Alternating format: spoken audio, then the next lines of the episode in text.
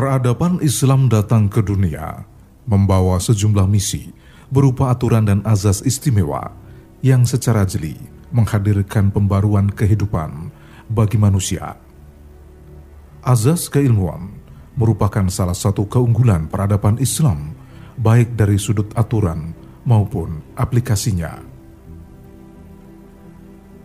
Dunia telah menyaksikan, sejarah juga mencatat berbagai peradaban sebelum Islam, misalnya Yunani, Romawi, Cina, India, dan Mesir, yang semuanya membawa kontribusi dalam berbagai ruang lingkup kehidupan. Seiring hadirnya peradaban yang mengubah dunia itu, Islam telah memberi pemahaman dan metode berharga, lalu mengubah dunia hingga menjadi tatanan yang jauh lebih sempurna lalu memantapkan kedudukan ilmu pengetahuan. Realita awal di bumi tentang ilmu tercatat dalam Al-Quran saat malaikat Jibril turun pertama kalinya menemui Rasulullah SAW. Ajaran agama baru itu tegak di atas dasar ilmu. Wahyu pertama yang diturunkan Allah Subhanahu wa taala adalah lima ayat yang membahas tentang ketetapan yang saling mendekati, yakni kaidah ilmu, dan semua itu ada dalam surat Al-Alaq. Bismillahirrahmanirrahim. Dengan nama Allah yang Maha Pengasih, Maha Penyayang. Iqra bismi rabbikal ladzi khalaq.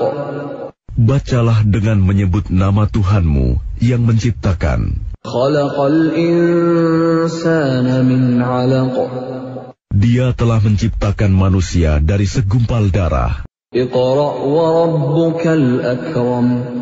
Bacalah, dan Tuhanmu lah yang maha mulia. Yang mengajar manusia dengan pena.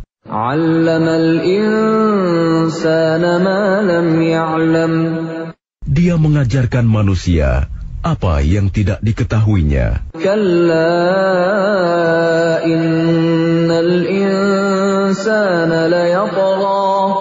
Sekali-kali tidak. Sungguh, manusia itu benar-benar melampaui batas. Apabila melihat dirinya, serba cukup. Sungguh, hanya kepada Tuhanmu lah tempat kembalimu. Bagaimana pendapatmu tentang orang yang melarang? Seorang hamba ketika dia melaksanakan sholat. Bagaimana pendapatmu jika dia yang dilarang sholat itu berada di atas kebenaran petunjuk? Atau dia menyuruh bertakwa kepada Allah? Bagaimana pendapatmu jika dia yang melarang itu mendustakan dan berpaling? Alam ya'lam bi Allah yara. Tidakkah dia mengetahui bahwa sesungguhnya Allah melihat segala perbuatannya?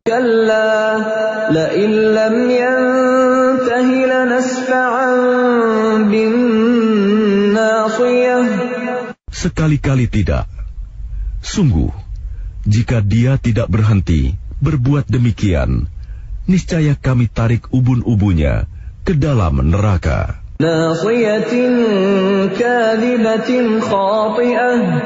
Yaitu ubun-ubun orang yang mendustakan dan durhaka. Maka biarlah dia memanggil golongannya untuk menolongnya. Kelak kami akan memanggil malaikat Zabaniyah penyiksa orang-orang yang berdosa.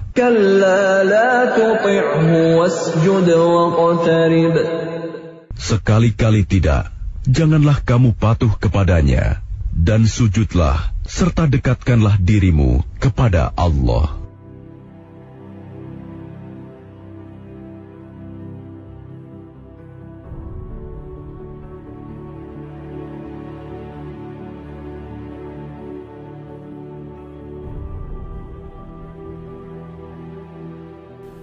Wahyu pertama yang turun itu sangat menakjubkan karena Allah Subhanahu wa taala ternyata memilih ilmu di antara ribuan ayat yang terkandung dalam Al-Qur'an. Padahal Rasulullah Shallallahu alaihi wasallam sebagai penerima wahyu saat itu berada dalam kondisi umi, tidak pandai baca tulis.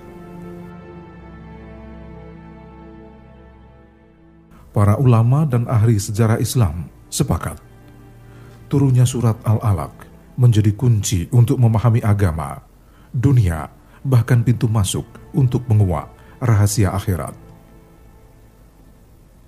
Yang sangat menakjubkan dari peristiwa turunnya surat Al-Alaq adalah wahyu pertama itu membicarakan aturan yang tidak banyak diperhatikan ruang lingkupnya oleh kalangan masyarakat Jazirah Arab saat itu. Bahkan khurafat dan kebatilan menguasai kehidupan mereka sejak lahir sampai mati. Dalam perjalanan waktu, Al-Quran mampu melampaui ruang lingkup serta menyentuh kehidupan masyarakat yang sebelumnya berada dalam kebatilan. Kedatangan Islam telah memberi isyarat terjadinya revolusi ilmu pengetahuan secara benar sekaligus memisahkan periode sebelum turunnya Al-Quran yang dikenal dengan era jahiliyah. Islam datang dengan ilmu, menyinari dunia dengan cahaya petunjuk robaniyah, seperti firman Allah Subhanahu wa taala dalam surat Al-Maidah ayat 50. Bismillahirrahmanirrahim. Dengan nama Allah yang Maha Pengasih, Maha Penyayang. وَإِذْ قَالَ رَبُّكَ لِلْمَلَائِكَةِ إِنِّي جَاعِلٌ فِي الْأَرْضِ خَلِيفَةً قَالُوا أَتَجْعَلُ فِيهَا مَن يُفْسِدُ فِيهَا وَيَسْفِكُ الدِّمَاءَ وَنَحْنُ نُسَبِّحُ بِحَمْدِكَ وَنُقَدِّسُ لَكَ قَالَ إِنِّي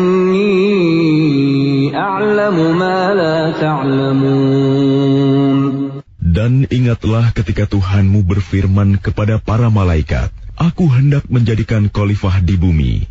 Mereka berkata, Apakah engkau hendak menjadikan orang yang merusak dan menumpahkan darah di sana, sedangkan kami bertasbih memujimu dan menyucikan namamu?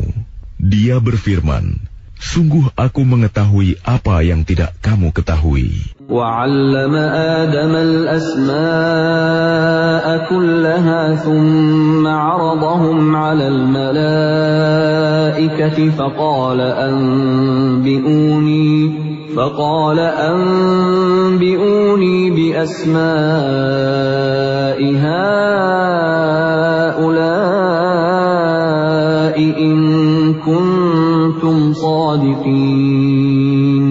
dan dia ajarkan kepada Adam nama-nama benda semuanya.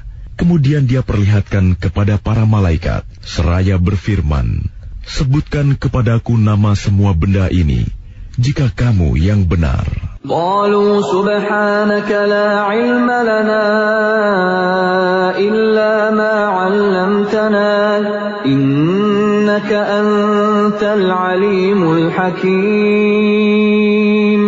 Mereka menjawab, Maha suci engkau, tidak ada yang kami ketahui selain apa yang telah engkau ajarkan kepada kami. Sungguh, engkaulah yang maha mengetahui, maha bijaksana.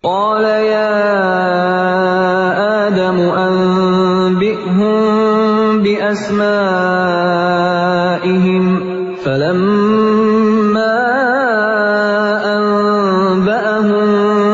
bi asma'ihim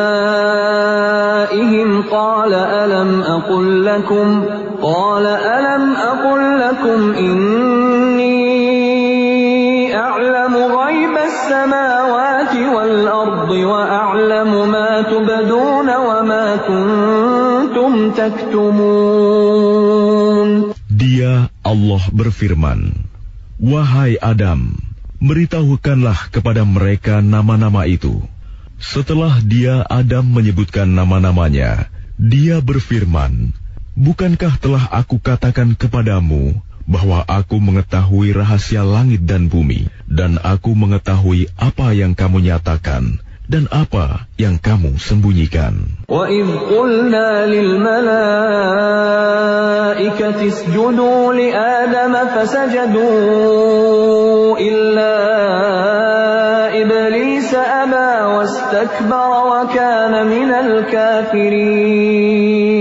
Dan ingatlah ketika kami berfirman kepada para malaikat, Sujudlah kamu kepada Adam. Maka mereka pun sujud kecuali iblis. Ia menolak dan menyombongkan diri, dan ia termasuk golongan yang kafir.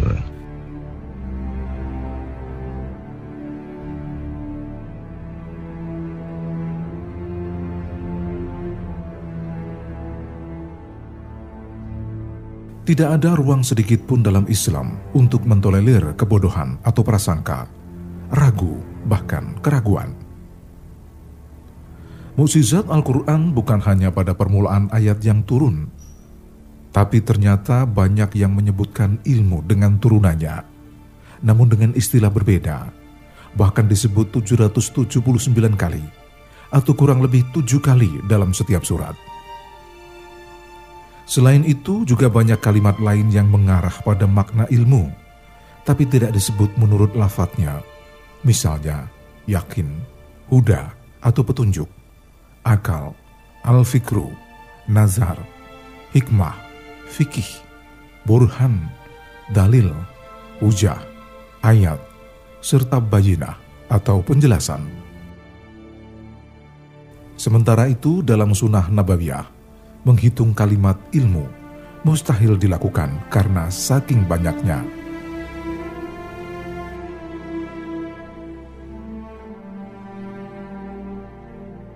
Perhatian Al-Quran terhadap ilmu tak hanya terlihat pada masa awal turunnya ayat, tapi ada sejak pertama kali manusia diciptakan, seperti dikisahkan dalam Al-Quran dalam ayat-ayatnya.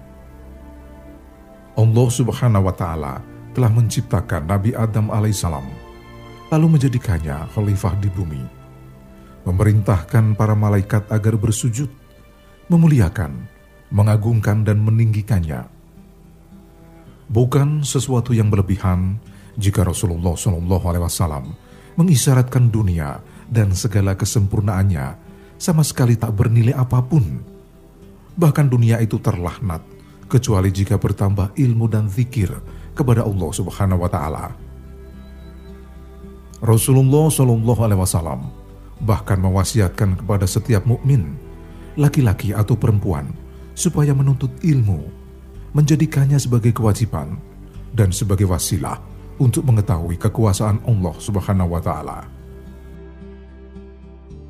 Anjuran Rasulullah itu membuahkan pengaruh jauh ke depan di mana umat Islam bersemangat mendalami ilmu secara luas dalam berbagai bidang.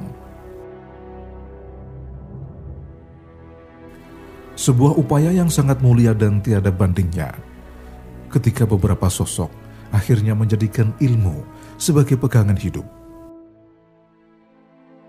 Di tangan para ulama dan ilmuwan muslim, ilmu menjadi sarana untuk semakin dekat kepada Allah dengan segala ciptaannya para ulama dan ilmuwan muslim telah melampaui manusia pada era, zaman, atau masa sebelumnya dengan keunggulan ilmu dan cara berpikir ilmiah yang sangat menakjubkan. Mereka mempelajari seisi alam, menerjemahkan dalam bahasa manusia, lalu menyebarkannya dengan penuh keikhlasan. Upaya itu akhirnya membuahkan pola pikir dan kehidupan yang maju semakin dekat dan mengagumi kekuasaan Allah Subhanahu wa taala dengan segala rahmatnya.